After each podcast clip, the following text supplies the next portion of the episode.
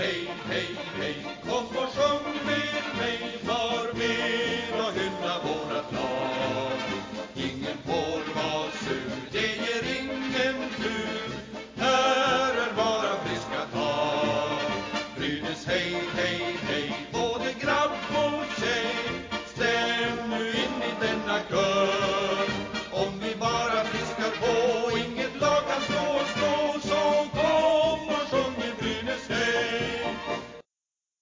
Välkomna till det 69 avsnittet av Brynäspodden. Vi rullar på i vanlig ordning och det gör även våran Patreon. Vi har fått en ny Tord Lundström Viktor. Ja, det har vi. En Filip Brännlund har gått in och blivit Tord Lundströmare. Kan man säga det? Säger man så? Ja, det tycker jag. Det är ett Och, bra... äh, men det är stort tack till dig Filip och eh, såklart vi har också fått lite fler patrons den här veckan så ni ska också ha ett stort tack. Verkligen. Vi har ju några som inte, som inte valde Tord Lundströms nivå, men, eh, men vi är lika tacksamma för det. Vi får säga stort, eh, stort tack och varmt välkomna. Precis och eh, vi, vi är ju som bekant extremt tacksamma för våra Patreons, men vi är också såklart tacksamma för att du väljer att lyssna på Brynäspodden. Eh, är det så att eh, du vill stötta podden men kanske inte eh, väljer att bli Patreon så glöm inte att gilla våran Twitterkanal eller Facebook-sida och tala gärna om för övriga Brynäsare om att Brynäspodden finns på sociala medier. Precis, precis. Dagens avsnitt. Um vad ska man säga? Det kanske blir lite av ett grubbligt avsnitt. Ehm, vi får se lite hur mycket av vårt snack som klipps bort här egentligen. För allt är väl inte riktigt klart för oss hur vi känner kring saker och ting. Alltså om jag säger så här, vi spelar ju, vi spelar ju in den här podden måndag kväll.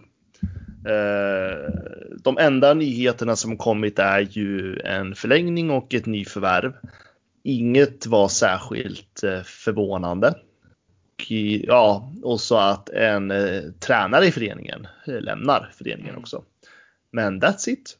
Det är, Det är det väldigt locket på i Brynäs och eh, jag har suttit i massa telefonsamtal ska jag faktiskt säga. Med eh, folk runt föreningen och även folk i föreningen. Eh, jag tänker inte säga någon namn. Och jag har grubblat Fredrik. Ja, de här samtalen du har gjort eh, har väl inte... Det, är inte... det känns inte bättre efteråt, eller hur? Nej, Jag har ingen bättre känsla i alla fall. Och jag vet inte, vi, vi, får, jag ska, vi får försöka. Och det känns ju så här att eh, man, det finns inga tydliga svar någonstans just nu. Nej. Så kan jag säga. Det är ingen som kan säga rakt och tydligt vilka val som Brynäs kommer att göra. Jag ser däremot en, eh, vad ska man säga? Det här blir avsnittet, vad ska man säga? Ja, vad ska man säga? Alltså, man, någonstans känner jag att eh, ska man prata om det så måste man välja rätt ord för att det får inte ske något missförstånd på något vis. Men eh, jag upplever i alla fall att jag har en ganska klar bild i mig själv vad eh, problemet sitter. Det är väl lite det som är problemet här, att vi, precis som du säger, vi vill inte nämna några namn för att peka ut någon. Men, och vi vill inte heller sitta och säga att vi sitter inne på massa info vi inte tänker dela med oss av, utan vi vill ju vara så öppna som möjligt, men, men vi får välja våra ord väl. Ja, och det har väl kanske att göra med att det är inte en person. En syndabock i föreningen finns inte. Det kan jag nog vara ganska tydlig med att säga. Utan, nej, men jag ser ett strukturellt problem, så kan jag säga. Varför Brynäs inte har fungerat över tid. Mm. Och eh, jag menar, jag vet inte, kommer du ihåg krisåret 2018? Där Ja. supporterklubben hotade med liksom att eh, ja, men det var ju otroligt dålig stämning. Supporterklubben gick ut med en skrivelse. Jag vet att Brynäs-redaktionen på Svenska fans gick ut en skrivelse. Det slutade med att vi hamnade i en eh, krismöte tillsammans med hela ledningen och styrelsen faktiskt. Mm. Jag satt ju med i det mötet till och med. Och det var inte första gången det krisade i Brynäs. De här åren som jag har varit nära föreningen. Nu står vi 2021 återigen på steg ett. Trots Precis. att vi har tagit fram in så många nya själar i klubben som idag inte är kvar längre. Det är bara en ny själ plus Erika Gram då, men det, hon tillhör ju inte själva SHL-verksamheten. Och ställer man frågan varför så börjar man komma till tankar och funderingar som inte riktigt är glada. Så att, äh, det är mycket grubblerier så att äh, vi får se hur det här blir. Äh, det känns som att jag har pratat så jävla mycket om de här frågorna redan. Jag, jag vet inte, folk kanske lyssnar på att höra mig om det. Nej, men det tror jag faktiskt inte. Jag tror att eh, speciellt eftersom det är så här locket på så det som väl finns att prata om kring Brynäs just nu, det vill, det vill folk prata om. Mm. Men, vi, men vi, vi, tar det sen. Eh, ja. vi, vi pratar lite sportsligt först.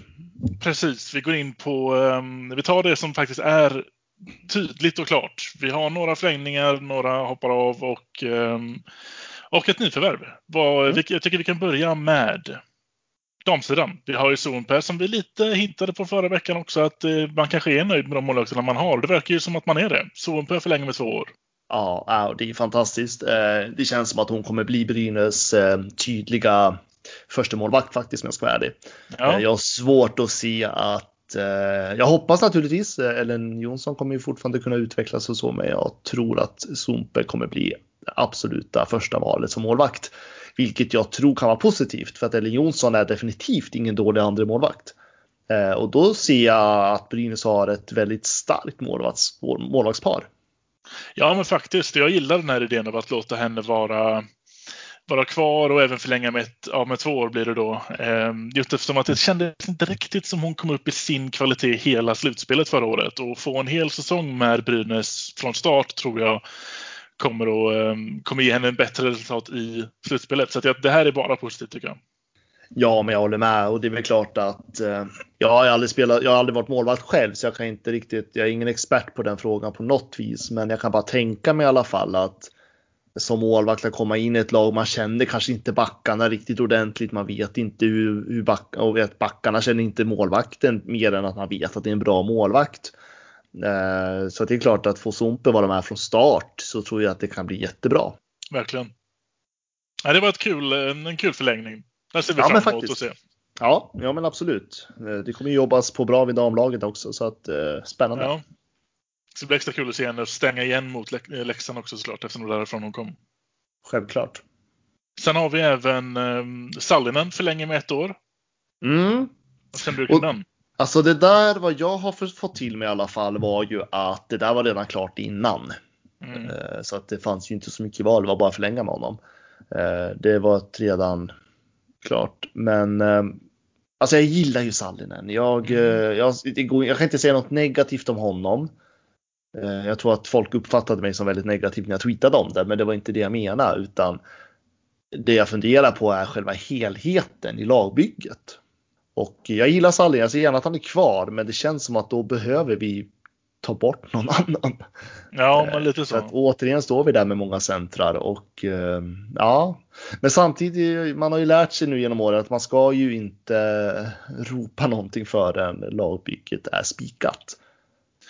Nej, både det och sen vill jag även att man, eller jag försöker tänka mycket på det också. Nu har han hamnat mycket i en gnuggarfemma hela, hela tiden. Han har varit i Brynäs egentligen. Det har varit mycket tredje, fjärde för honom vi vet ju att han har en det är en jäkla smart spelare alltså och han har varit första center i Färjestad. Man, jag vet, man ska inte leva på gamla meriter, men han har det i sig. Men han verkar ju trivas väldigt bra i Brynäs måste jag säga. Ja. Eh, så, som att han väljer att förlänga i, och samtidigt som eh, ja, men, klubben har varit där klubben är, har varit de senaste åren. Liksom. Ja. Eh, så någonting gör ju att han trivs i Brynäs och eh, kanske var därför han visade lite hjärta där i kvalspelet också för att han visste att han skulle vara kvar. Precis, ja men det, det, tror jag absolut. Ja, nej men någonstans, jag menar skulle Brynäs åkt ut skulle han ju skulle han ha förlorat sin arbetsgivare då. I så fall om det redan var klart att han skulle förlänga, vilket uppgifterna tyder på. Ja. Så, att, ja, men, så att jag gillar Sallinen, jag har ingenting emot honom. Det enda jag frågesätter är lagbyggets helhet.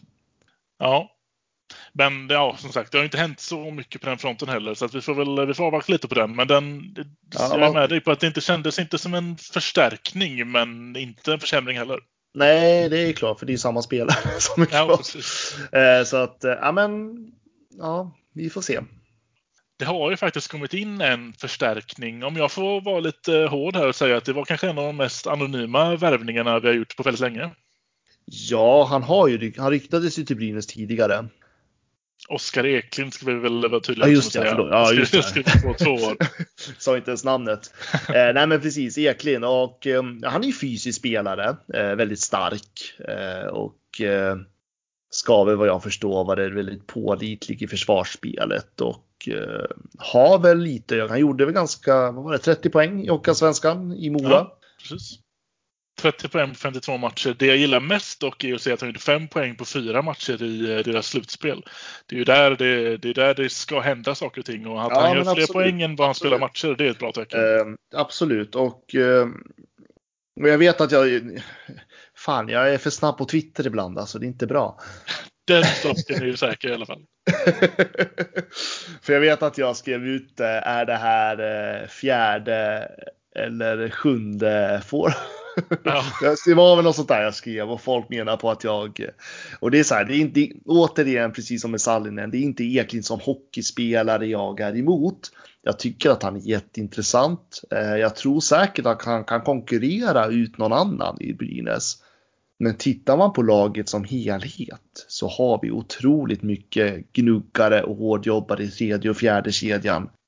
Och det är ju det där jag menar liksom att han blir ju någonstans, även om jag tror att han kommer fylla en viktig funktion, han kommer alltid bli en eh, väldigt hårt gnuggande spelare som kommer göra sitt jobb och då kommer han ju säkert att, att flytta på någon annan som redan är där. Det är ju liksom, det är ju ingen spelare som kommer lyfta Brynäs på något vis. Det är ju en, alltså han är ju center och eh, right forward. Jag är ju livrädd för att min favoritspelare Manbergs position är hotad här nu. Ja, men det tror jag är mycket möjligt. Men har han Manbergs fart då? Det är ingen som har det. Så det. Nej. Så att eh, Manberg har ju fortfarande en roll utifrån det då, om han är smart nog som coach. Men, nej, men jag vet inte. Det känns som att eh, återigen så kommer, alltså det det är jag orolig för att Brynäs kommer stå med för många tredje och fjärde formationer ett år till. Ja. Eh, och det är inget ont om Eklind, Oskar Eklind på något vis, utan eh, jag ger honom gärna en chans i SHL. Men det är bara det att det är så brist på platsen just nu i det här laget. ja. Det är det jag blir lite fundersam på. Men man ska inte döma. Det är långt kvar i lagbygget. Ja, vi får väl se det som att man bygger bakifrån och framåt nu. Nu har vi, nu har vi gnuggarna. Nu, eh, nu Ja, vi, kommer behöver, spetsen snart. vi, vi behöver inga fler kan jag säga. Nej, Så nej jag säga. precis. Det, där, där, vill jag bromsa.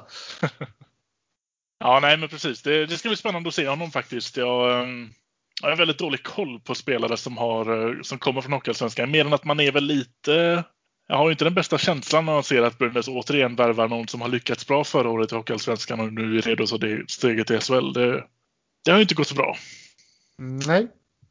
Men som sagt, vi ska inte döma ut någon. Det bli spännande att se honom. Men jag tror, alltså, jag, tror- jag tror inte att han kommer. Han har inte kommit till Brynäs för att jag har poäng. Jag har så svårt att tro Nej. det. Nej, precis. Det har han inte. Men bra att säga att han kan göra poäng. Ja, det kan han absolut. Och absolut, han kan fortfarande utvecklas. Det är bara, Ja, han är bara 22 år. ja, precis. Men eh, ja, vi får se. Jag, jag, jag känner att jag vill inte döma ut något förrän jag har ett färdigt lagbygge. Punkt och pricka. Sen har vi en ledare som lämnar organisationen också. Vi har Mm. den gamla trotjänaren. Tommy Sjödin. Ja, Ja, han lämnar ju Brynäs och flyttar till Österrike. Och Mhm. han menar ju själv på att det var mer lockande att ha det uppdraget än i Brynäs. För han var ju, det var ju tanken att han skulle ta över J20 där. ja, Eh, och eh, nästa säsong då. Och vad jag förstår så fick han ju då bara erbjudande om en säsong i princip. Eh, där. Han hade väl önskat att eh, jobba kanske över tre år då för att bygga över en längre period på juniorsidan. Och någonstans kan jag förstå honom för att eh, ska man skapa något häftigt på juniorsidan så måste det ju vara långsiktigt. Jag menar, det måste finnas kontinuitet om vi ska utveckla någon bra juniorverksamhet, herregud. ja gud ja. Eh, jag menar, det var ju samma personer som gnuggade med morgondagens Brynäs eller tio år innan det gav resultat. Liksom. ja. Eh, så att jag, och, Tommy, och Tommy Sjödin är en jäkla bra tränare, det ska ni veta. Eh, väldigt bra rykte som ledare utifrån det och duktig på att utveckla eh, unga spelare. Så att, jag förstår inte riktigt hur Brynäs tänker där, så jag förstår också att eh, ni vet jag inte, är det Gras med Z? ja, jag förstår inte heller det här namnet. Man uttalar det namnet, men eh, det lockade mer då. Ja, jag tycker ändå att det här kan ju vara ett sånt. Eh, tränarmässigt är han ju eh, ung fortfarande, om man får säga det så. Han gör, gör så, dra iväg och få lite mer erfarenhet någon annanstans i sitt ledar, ledaryrke. Och sen, men sen förväntar jag mig att han kommer tillbaka igen. Mm.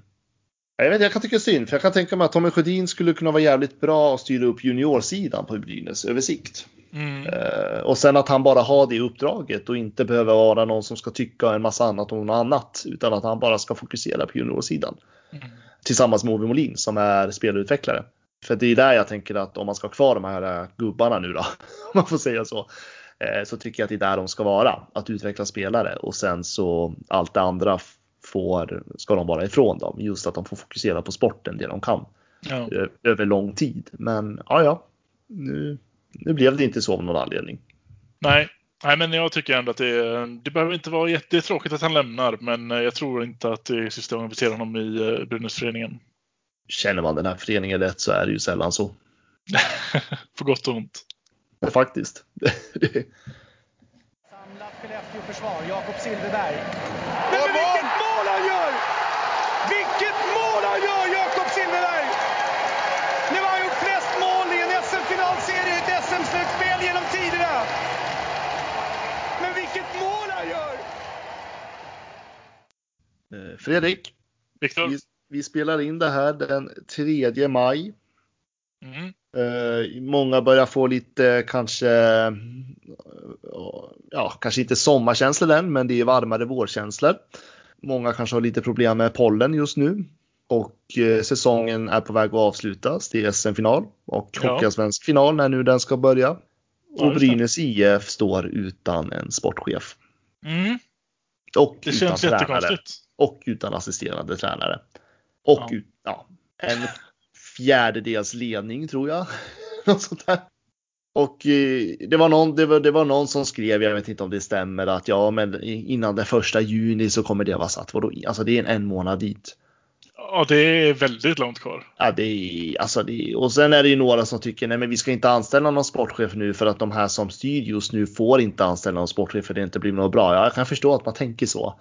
ja. Men eh, det här är så illa skött av Brynäs IF att det är pinsamt. Ja, det är det. Man skäms över hur det här är. Ja, alltså det här tyckte vi var både började bli pinsamt och alldeles för sent påtänkt när vi trodde att det var klart att Sundlöv förlänger med ett år. Mm. Det var ju jättelänge sedan. Ja, ja, ja, vi satt väl där i mars till och med och sa, ja. och sa att det här inte är okej. Eh, och samtidigt så har vi ju, vi, alltså vi, och jag, tyck, jag tycker att man ska vara öppen med det faktiskt. Mm. För att det är de uppgifterna som vi har och jag har fått det bekräftat till och med. Är att ledningen ställde frågan till styrelsen. Är det vi eller ni som ska, ska, ska ta hand om sportcheffrågan? Och den här frågan ställdes i höstas. Mm. Vad fick man för svar där då? Fick inget svar. Då är det svårt att agera. Det är jättesvårt att agera. För det, och så tänker alla, ja men vadå, det är väl klubbdirektören som bestämmer det här. Nej, jag har rotat i stadgarna och pratat med folk och det är faktiskt så. Det är styvende sist styrelsen som bestämmer i den här frågan. Då är verkligen frågan om man har, har man siktat på någonting som inte har gått i lås? Eller har man bara prioriterat bort det här? Inte, har man skitit i det liksom? Jag vet inte. Jag vet inte. Jag tycker bara det är så jäkla oprofessionellt skött av styrelsen. Just den här frågan i alla fall. Mm. Eh, jag blir förbannad varje gång jag tänker på den. Nu kommer känslorna fram här. Mm. Men jag har i alla fall pratat med folk idag. Och det jag har fått till mig är i alla fall att eh, ledningen har i alla fall tagit kontakt, tog i alla fall kontakt med Boumedienne innan kvalspelet faktiskt. Mm. Eh, så man hade redan kontakt med honom och sen redan innan det var ens prat om att han skulle vara tränare i kvalspelet. Och vad jag har fått förstått nu då så är han fortfarande med i bilden. Så det kan fortfarande bli Boumedienne som blir general manager slash sportchef, vad det nu mm. är för roll. Men vart man är i processen där, locket på. Så att jag vet ingen aning. Så egentligen är det ju samma uppgifter som det alltid har varit. Att Brynäs vill att Bomedien ska vara sportchef.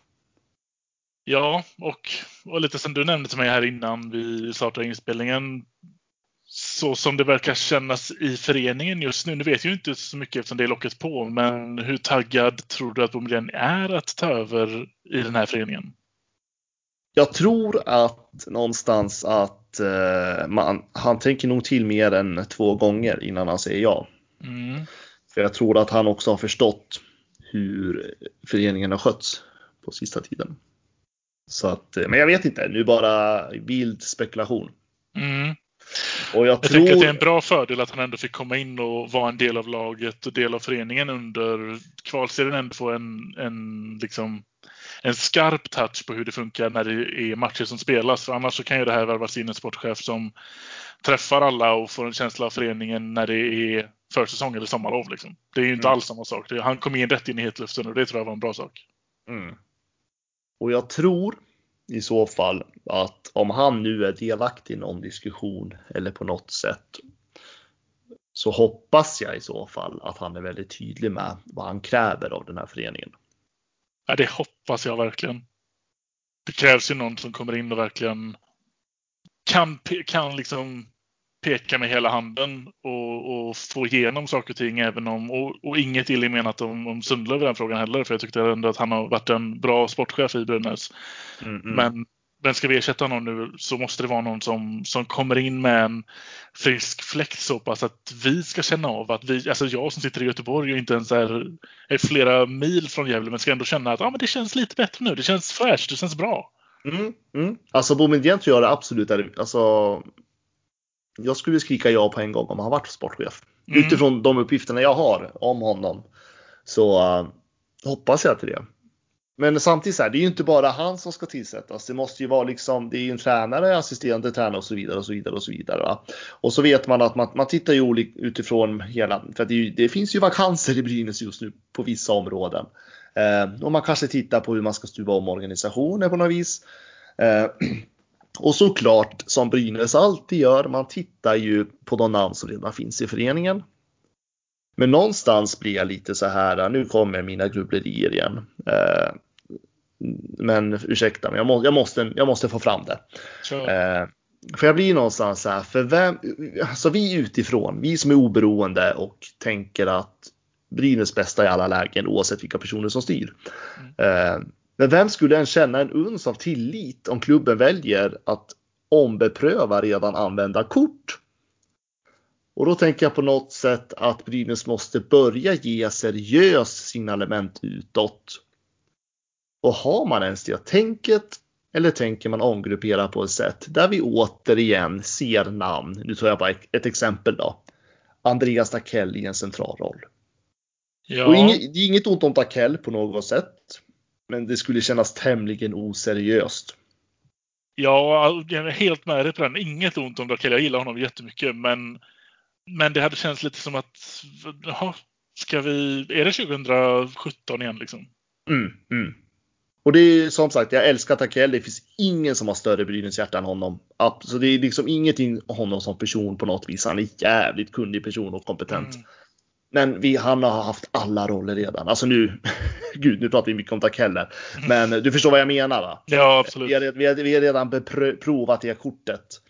Eh, och på tal om Dacke så har han redan gett sin bild av situationen i Brynäs helt öppet i en annan podd. Har han kritiserat styrelsens arbete och den kritiken är befogat. Och så hamnar jag lite grann i det här liksom att återigen det här som jag har sagt. Jag tror det är fjärde gången jag är inne på det just nu. Det här med att det kommer personer till som sätter sig i ledningen och det blir inget bra och så går de till nästa organisation och helt plötsligt så blir det bra för dem. Mm. Ta Stefan Bengtzén, Johan Stark till exempel. Får inte nämna bra många spelare, men det kanske är en annan sak. Ja, men jag tror att de blir påverkade också. Mm. För att jag, bilden jag har är att det, det, det är en gammal kultur i Brynäs IF som drar in ända in i katakomberna, in i omklädningsrummen.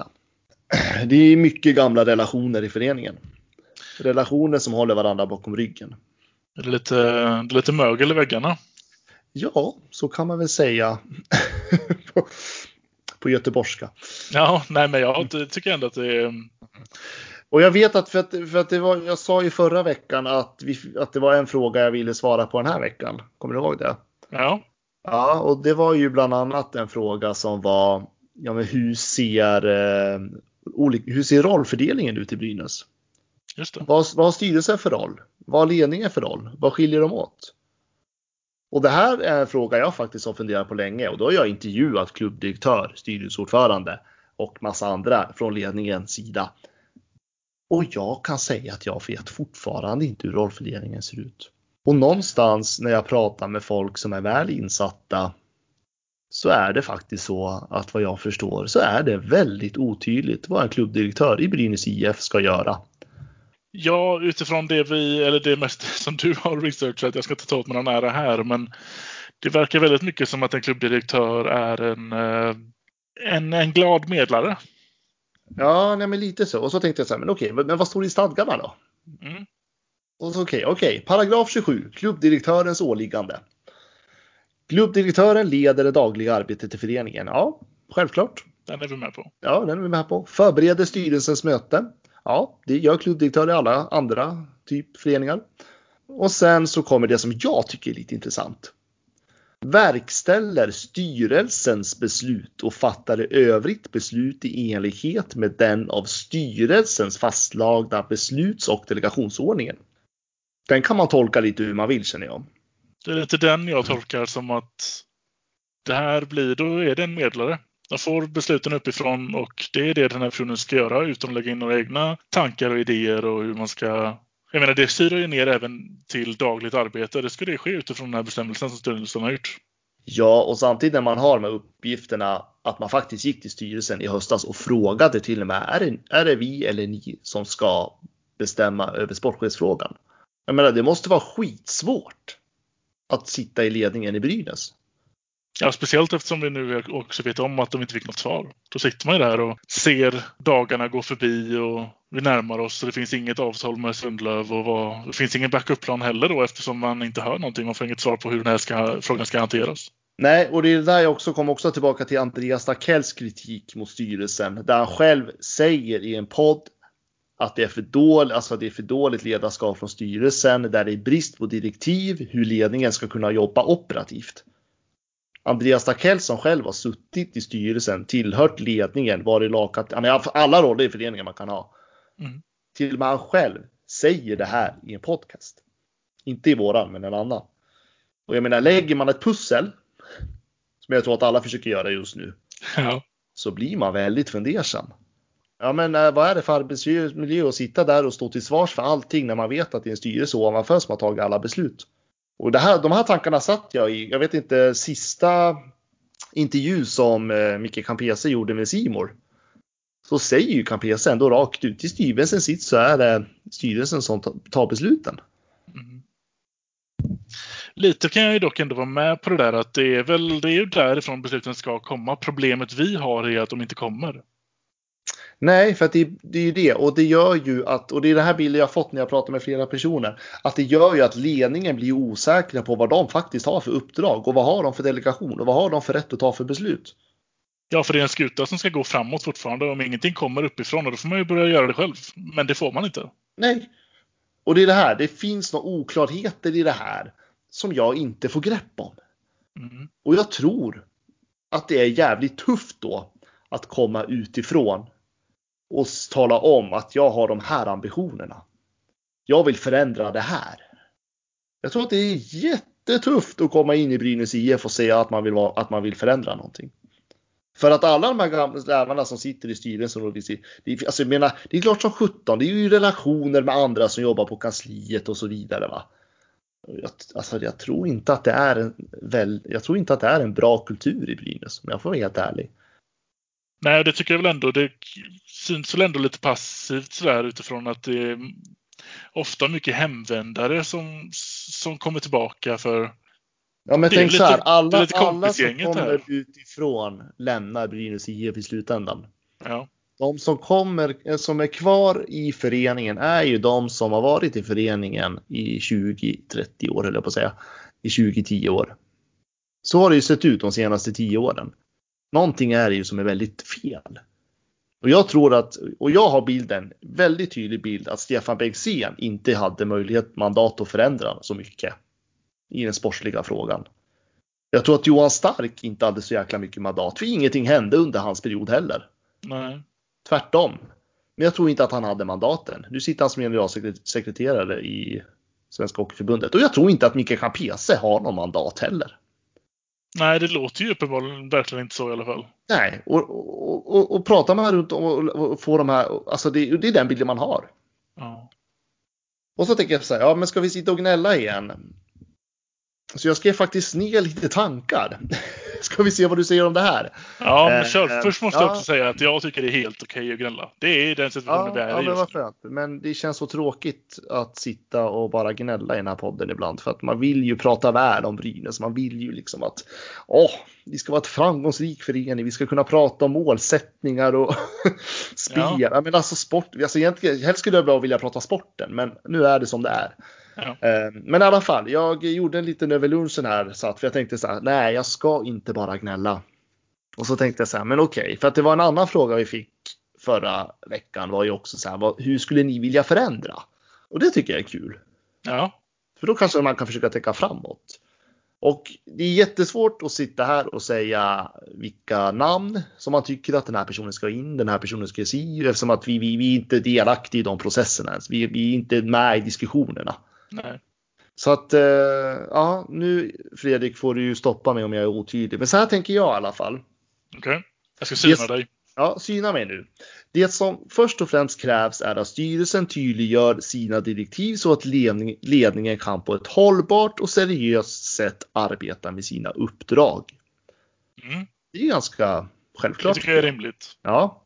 Och att styrelsen ser till att skapa en tillitsbaserad verksamhet som förmår att bryta ner de här gamla hierarkierna som finns idag och strukturer och skapa öppenhet i verksamheten. Och det jag menar med tillitsbaserad verksamhet, det är att styrelsen ska visa att de litar på sin ledning. Så Ja. att, och ledningen utifrån de här direkt, tydliga direktiven också kan vara verksamma och effektiva. Hur, hur visar man att man är tydlig eller att man litar på dem då? Ja, man kanske inte ska gå bakom ryggen på en sportchef till exempel när man ska sparka tränare. Man kanske ska låta varje, den som är an- den, den in, inom ledningsgruppens ansvarsområde också få vara med när styrelsen ska vara med och ta beslut i sitt område till exempel. Kan jag tycka låter Ja. rimligt också. Ja, men det vet vi att så funkar det inte i Brynäs alla gånger idag. Nej. Och så just det här att man, är, att man skapar strukturer och öppenhet i verksamheter. Det vill säga att jag tror inte, för att det finns gamla hierarkier just nu där några ska styra och ställa och det har de gjort i alla år och så här ska vi jobba, så här ska vi jobba. Jag tror mer att man jobbar i grupper, att man jobbar i team Ja. och skapar öppenhet i verksamheten att, att det ska kunna gå. Jag tänker att det måste råda en så kallad cirkumstantialistisk kultur. Nu är det svår, svårt ord. ja, här tappar men det handlar om att eh, saker och kulturen kan alltid förändras och att man ska vara öppen inför det. Om det så är nya arbetsuppgifter, en ny organisation eller nya konstellationer av människor. Så länge målsättningen är tydliga och klara så ska det finnas en öppenhet till att man faktiskt ska förändra sitt arbetssätt. Och att det är okej att komma med sådana förslag. Det här är jättelätt i nya grupper och i unga föreningar, typ Örebro. Men när det är gamla strukturer och personer som jobbar kvar i samma arbetsplats i så många år, då är det jättesvårt att komma in och förändra. Det är bara att gå till vilken arbetsplats som helst. Ja. Så är det. Och vidare så behöver den sportsliga ledningen tillsättas med namn som inte är påverkade av de gamla strukturella kulturerna som finns inom Brynäs IF. Mm. Där sportchefen och andra insatta i sporten kan sätta sina ramar på riktigt från grunden och utnyttja sin kompetens till att skapa hållbarhet långsiktigt.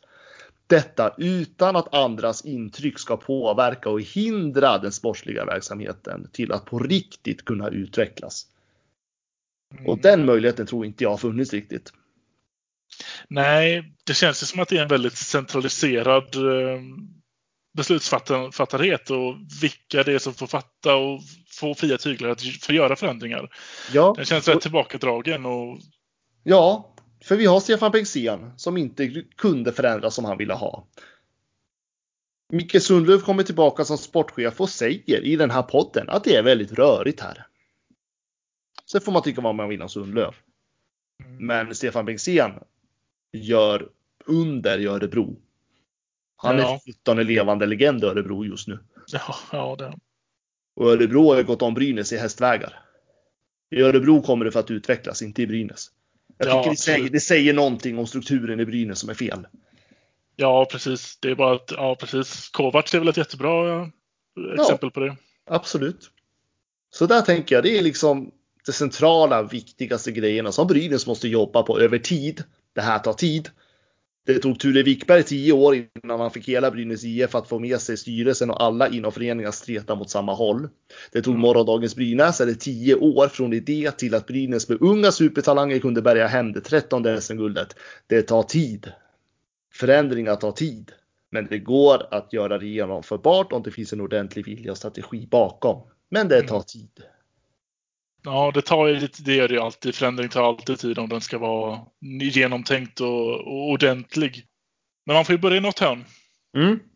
Och jag tror att ska Brynäs lyckas på sikt att återhämta sig från dagens situation så måste man göra något på riktigt och inget halvdant där redan beprövade kort ska till igen. Hur bra man än tycker om vissa personer i föreningen. Nu vet jag inte om det här var väldigt eh, ordbajseri eller om det var något vettigt, men jag tycker att det är ganska självklara saker. Ja, och får jag säga så här då att jag tänker att vi står ju inte knutna till Brynäs på något sätt. Vi är ju en, vi är en fanpodd såklart. Ja, men vi är oberoende Brynäs, så är det. Ja, och då tycker jag också även att vi kan få, eller jag kan få vara så tydlig att jag tycker att det du, det du säger och det jag tycker ändå att vi säger mellan raderna är att det vi börjar med styrelsen. Ja, Men så som du också var duktig på att nämna förra avsnittet, det är ju ett problem med att mycket av det som är problemet styrs, ser vi kommer från styrelsen, men vi kan inte heller bara klaga på den om vi inte kan ersätta den med någonting som vi tror kommer vara bättre. Och där är ju ett lika stort problem som problemet vi har med styrelsen som den ser ut idag. Mm. Och sen ska jag vara ärlig och säga, jag har ingen aning om det politiska spelet som pågår just nu vad det gäller styrelsen. Det, vi vet att det är, eh, är det tre personer, Ja, varav ordförandet, som någonstans ska komma med information om de vill fortsätta eller om de vill sätt- ställa sin plats i förfogande. Det är fortfarande fyra personer i styrelsen som sitter kvar ja. stadigt och har sin plats säkrad ett år till. Och det Och krävs det- bara fyra personer för att kontrollera, styra hela styrelsens arbete. Så det kan vara det. Jag vet, jag, vet, jag vet inte alls hur man resonerar i styrelsen i Brynäs IF. Det är ju noll transparens kring det där. Ja, Eh, noll. Jag, ja, jag läste på Brynäs hemsida också att valberedningen ska ha en kontinuerlig kontakt med medlemmarna. Det, det lever man ju inte upp till heller. Oj då. Nej, det, Mm. Det står, så står det tydligt i Brynäs, på Brynäs hemsida att valberedningen ska ha kontinuerlig kontakt med, med Brynäs medlemmar. Det fullföljs ju inte för fem öre heller. Eh, Så att det är jätte... Jag vet inte. Nej, det inte- känns ju till och med så osannolikt i och med att jag aldrig hört ett ord ens. Det enda gången jag hör en valberedning nämnas eller ord från dem är ju på årsmötet. Ja, ja, ja. Och, jag, och så tror jag absolut. Alltså det, jag, jag tänker att det det är inte bara Brynäs det är så här. Absolut inte. Nej, nej, nej. Eh, Men eh, jag tänker att det är viktigt att eh, man ändå tar upp frågan. Ja, det kanske inte är ett problem eller någonting man bryr sig om så länge det funkar. Men nu funkar det inte. Då är det dags att man tittar på det man har och, och Mm, uppfyller mm. det man ska. Men det som är uppenbart är i alla fall, det går inte för medlemmarna att blåsa ut hela styrelsen kommande årsmöte. Så är det. Så är det. Utan det är, är det tre personer? Det blir jag osäker. Det är väl tre Ja. personer som kan, ja, av sju. Det vill säga att de fyra som sitter kvar skulle fortfarande kunna köra precis som man gör just nu. För vi vet, än, vi vet inte ens vilka personer som gör vad i styrelsen. Jag läste Färjestads stadgar också för att jämföra lite. Där var det jättetydligt vad varje styrelseledamot har för uppdrag. Ja, okej. Det var också tydligare vad klubbdirektören har för uppdrag. Ja. ska jag säga. Eh, Så att det är liksom, det det var lite kul att jämföra stadgarna med andra föreningar. Men eh, Men så, och då måste vi ändå också komma ihåg det du nämnde tidigare att förändring tar tid. Och jag känns det hårt att säga det, men, men förändring tar tid och vill vi göra en förändring och vi bara kan göra förändring på tre av sju den här gången, ja men då får vi börja där. mm, så är det absolut. Men eh, då vill man ju veta liksom att det man skulle, man skulle vilja Ja, då, då, då sätter man blicken mot valberedningen så man inte ens vet vilka personer som sitter där. Exakt. inte en susning om vilka personer som tar fram dem som vi sen ska rösta på. Ja, men det, och, det, och det är det här jag har känt när jag ställt de här frågorna till massa personer under veckan och pratat med dem. Att eh, alltså, man har varit så inrutad på ledningen och sporten när det gäller Brynäs IF i alla år. Mm. Att det här är liksom en fråga som man bara säger, ja men det är årsmöte en gång om året. Så får vi se vad som händer. Ja, ja, det... Och eh, jag kan säga att det är liksom, man måste verkligen vara djupt insatt för att ens kunna liksom komma med någonting i den här frågan. Och jag har inte kollen känner jag. Alltså mm. det här med liksom personer till en styrelse. Det är ingen aning. Nej, det är ju så långt, det är ju så långt ifrån varför man blir fan ja, av en förening också. Jag, menar, jag känner jättemånga bra personer, absolut, som brinner för Brynäs IF, absolut. Men är de rätt typer att sitta i en styrelse? Mm. Nej, jag vet inte. Men jag tänker någonstans, regnet faller från himlen. Ja. Man måste börja där. Man måste börja uppifrån och ner. Jag tänker för att det kommer genomsyra hela. Eh, sen vet jag att det är jättemånga. Eh, själva kansliet har ju minskats och det är många platser eller många gamla personer som har suttit länge som har försvunnit, vilket jag faktiskt tror är bra för arbetsmiljön inne på kansliet och jag tror att det är positivt i längden. Eh, för att någonstans så det finns jättemöjligheter just nu för Brynäs IF att eh, komma tillbaka jättestarkt och förutsatt att man överlever nästa säsong. Ja. Gör man det, då har vi fantastiska möjligheter. Ja, det... både, både styrelsemässigt eftersom då är det val för fyra nya, både kontraktsmässigt för då vad, vad kommer vi upp i? Det är ju typ 15 spelare som ska bytas ut nästa år. Mm. Så hela ledet känns det verkligen som att vi Ja. Klarar vi oss ett år till så bara ökar möjligheterna lavinartat. Mm, mm. Och jag kan säga så här, utifrån hur rollfördelningen är i Brynäs IF så tror inte jag att det spelar någon roll om vi har en ny klubbdirektör eller inte till nästa år. Det är min absoluta övertygelse i den mm. frågan. Det som jag tror däremot är att om vi har en riktigt stark sportchef slash general manager, jag vet, det beror ju på hur de vill forma, organisera mm. sig. Det tror jag blir avgörande vem man väljer som, vem man tillsätter i den positionen. För sporten måste växa. Sen kan man ta organisationen på sidan om. Men mm. sporten måste se till att Brynäs IF kan växa och skapa framgångar.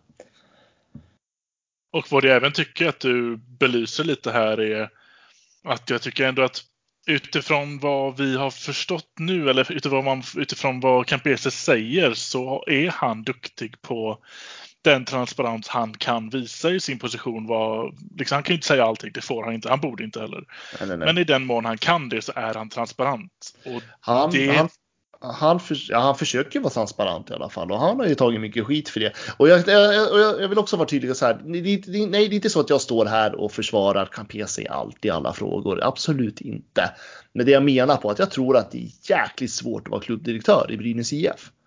Jag tycker rollen som klubbdirektör borde man kanske fundera över. Ja. Sen om det är Campese eller någon annan person. Ja, det är en annan sak. För, mig spelar det, alltså för, någonstans, för mig spelar det mindre roll. För att jag vill, alltså jag vill att det ska vara tydligt så att Brynäs IF har en bättre möjlighet att komma tillbaka som en ja, stor klubb i svensk hockey. Mm. Det är det det handlar om. Sen om klubbdirektören heter Campese eller Jan-Ove eller vad fan det är. Alltså, det spelar ingen roll. Nej. Nej, precis. Men, men det jag ville komma med det var att jag tycker att Campese har varit bra på det med transparens utifrån hans möjligheter och vad han får lov och kan säga. Mm. Vad som inte har varit transparent och är ju tydligen då valberedelsen eftersom den ska ha kontakt med oss som medlemmar. Den, den visste jag inte ens om att, eh, att det fanns kritik att ge där, men det gör det ju clearly. Och även styrelsen. Det behövs, man behöver berätta mer. Alltså kanske inte nu då eftersom att nu nu händer det väldigt mycket och jag förstår att det här är ett känsligt läge, men man har haft en hel säsong på sig, man har haft ett helt decennium på sig, man har haft hur lång tid som helst på sig att vara transparent, så att vi känner att vi fattar vad som pågår eftersom det är ändå vi som röstar på dem sen. För just nu kommer vi återigen gå till ett årsmöte där vi inte har en susning om vilka det är vi faktiskt röstar på eller vilka vi ersätter med och vad de än ska göra. Vad är det jag röstar på den här killen för? Han verkar jättetrevlig. Men vad ska han göra? Ja, och där har ju valberedningen en jätteuppgift tänker jag valberedningen behöver komma ut med information då. Ja, ja. Och, jag, och, och, och som sagt, alltså grejen är så här, jag känner någonstans själv. Jag har bara varit engagerad i Brynäs IF idrottsrörelsen. Jag tillhörde Brynäs IF som en liten knatte. Jag har varit tränare i Brynäs IF.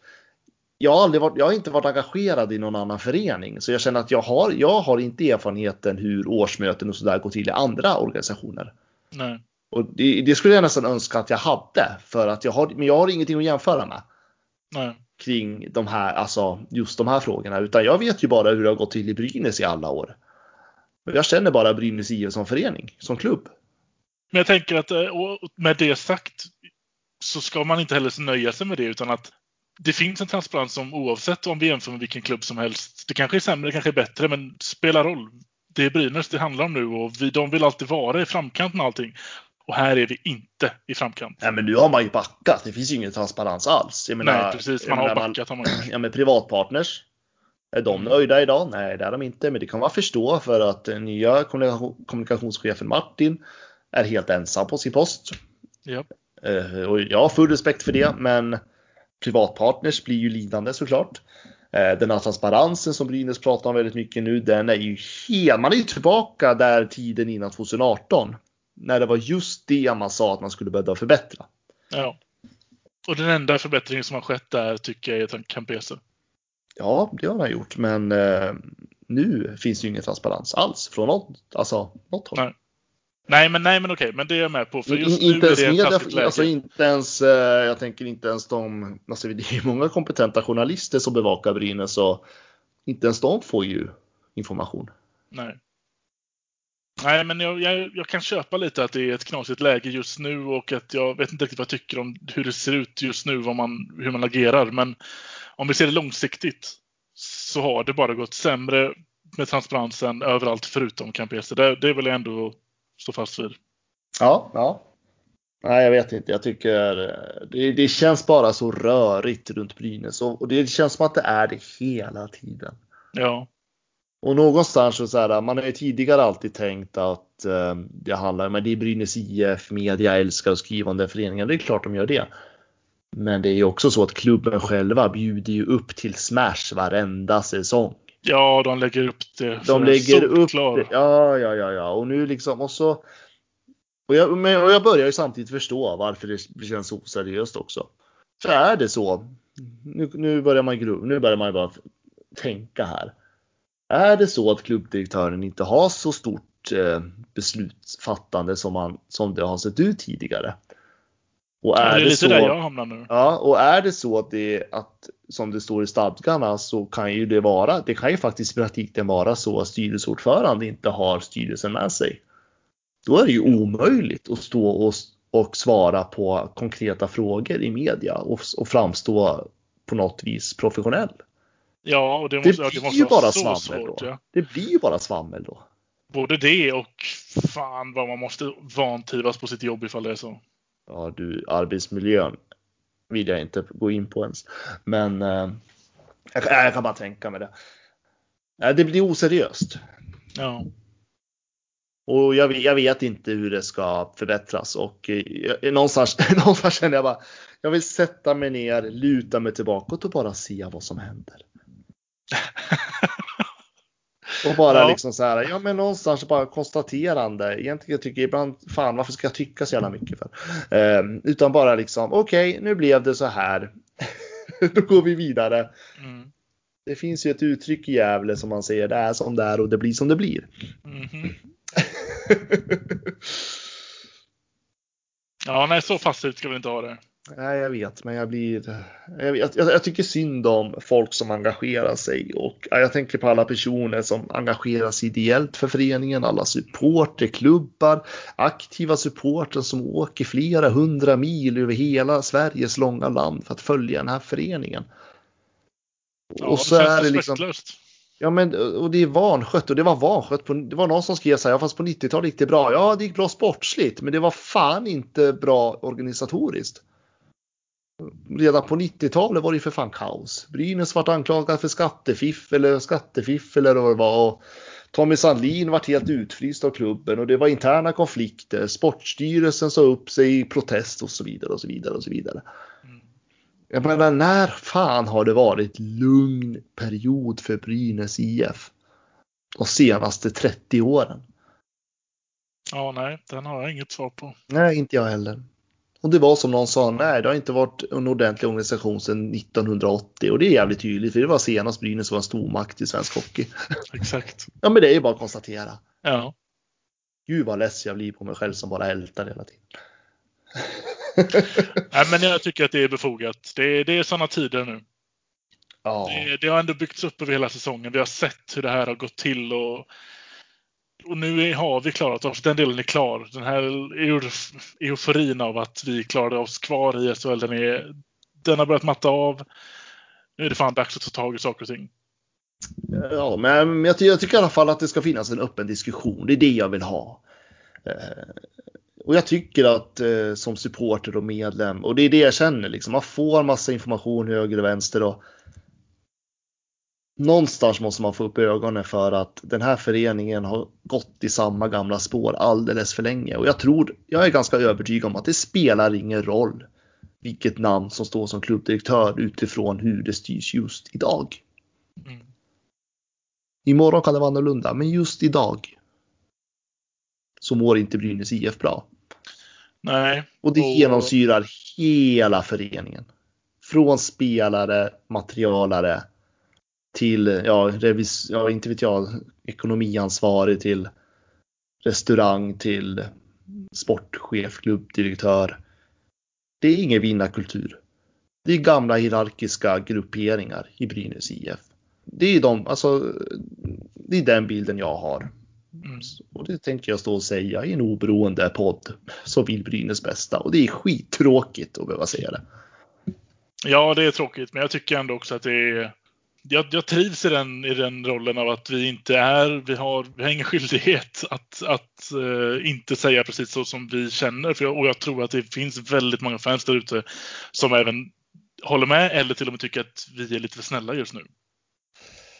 Antingen det eller så tycker de bara att vi gnäller. Och, eh, och, och jag förstår det. Och jag känner mig själv jättegnällig. Och jag köper det. Och det är inget kul. Jag vill ha en Brynäs-podd som kan prata om sportsliga ja, med målsättningar och ja, prata om det som Brynäs IF gjort för. Men nu är det här en gammal förening som har hamnat i en strukturell problematik skulle jag vilja säga. Eh, sen gammalt. Och det är svårt att bryta den. Och det krävs starka individer för att göra det. Och jag tror inte att bara en individ måste komma till den insikten utan det måste vara uppifrån och hela vägen ner. Annars så kommer inte jag alls lita på nästa ambition vad man nu än väljer. Så är det. Nej, ambitionerna hittills har ju inte gått, eh, det är inget man skryter med direkt. Nej. Förutom det är- damsidan. Ja, men damsidan är ju sitt eget lilla hörn. Ja, Man ska komma ihåg det är. Det är en annan värld fortfarande. Eh, och det är inte att jag tar bort, alltså att jag vill sänka damsidan på något vis alls, utan men det är en annan värld. Mm. Eh, som är eh, helt ärligt kanske inte får den gehör från större delen av föreningen som de förtjänar. Ut- växer. Utan att ta någonting ifrån det heller. Det tror jag dock är väldigt vanligt. Men så, det Absolut, inte jag gör, jag gör, det, det här är ingenting. Det är inget som- försvar heller. Nej, nej, nej, nej, men det är ingenting som man ska vara arg på Brynäs för det. Utan så ser damsidan ut. Men däremot tror jag att det kan växa om Erika Gran får en mer central roll i klubben som man pratar om. Just det. Så att där tror jag nog att på sikt så tror jag absolut att damsidan kommer få större plats i föreningen. Man är på väg dit, men, men det är långt kvar. Ja. Jag känner personligen att jag kommer inte längre i mitt resonemang. Och jag, jag tror nog att jag eh, kommer släppa den här frågan ett tag framåt i alla fall. Mm. Eh, utan i framtiden fokuserar vi mer på mer sakliga frågor. Om vi får något sakligt att diskutera. Ja, det är upp till Brynäs. Det är svårt Ja. att driva en podd när det inte är någon transparens från klubben, det måste jag säga. Ge oss någonting. Och det är lika, jag kan väl säga det också, det är många som har sagt, men kan inte intervjua den, kan inte intervjua den, kan inte intervjua den. Jo, jag kan intervjua alla personer ni ber om, men det, ingen har något att säga just nu. Nej. Eh, Det är där man har hamnat. Det är ingen som har någon information, det är ingen som har någonting att säga eh, och då känner jag att vi avvaktar med intervjuerna. Ja, de, ja, precis. Vi sparar våra kort där lite hellre för när det väl finns någonting att säga då kommer, ju, då kommer det vara mer, eh, vad ska man säga, givande intervention, eh, intervjuer. Mm. Mm, mm, mm. Ja, men Ola Palve vart i alla fall nominerad som årets finaste mål i alla fall om vi ska avsluta med något positivt. Ja, och vilket mål det är. Vilket Ja. mål han gör. Nej, men det är, ett, eh, det är faktiskt en skitkul, eh, skitbra grej att avsluta lite med. Det är, ett fantastiskt mål och ett, eh, ska man säga, den, det målet är verkligen bilden av hela den matchen. Mm, ja, gud ja. ja. Men man blir glad att se det och det är jävligt kul. Och Ola Palve är ju en spelare vi inte riktigt vet vad som händer med honom just nu heller. Så att det får vi, kommer vi behöva följa upp. Ja, jag hoppas han eh, tar hem det priset. Det tycker jag ändå han förtjänar sin korta tid i Brynäs. Ja, jag också. Han är en spelare man blir glad av att se, så att gärna det. Eh, Visst var det mål? För de, de ringer Ja, på det ja, nu, ja. men visst Ja, var den inne? Det, det har ju repriserna i någon mening visat. Va? Ja, ja, ja. Men de ska ringa för säkerhets skull. och Här kommer Sören Persson ut och dömer mål, ja. Då är det bekräftat.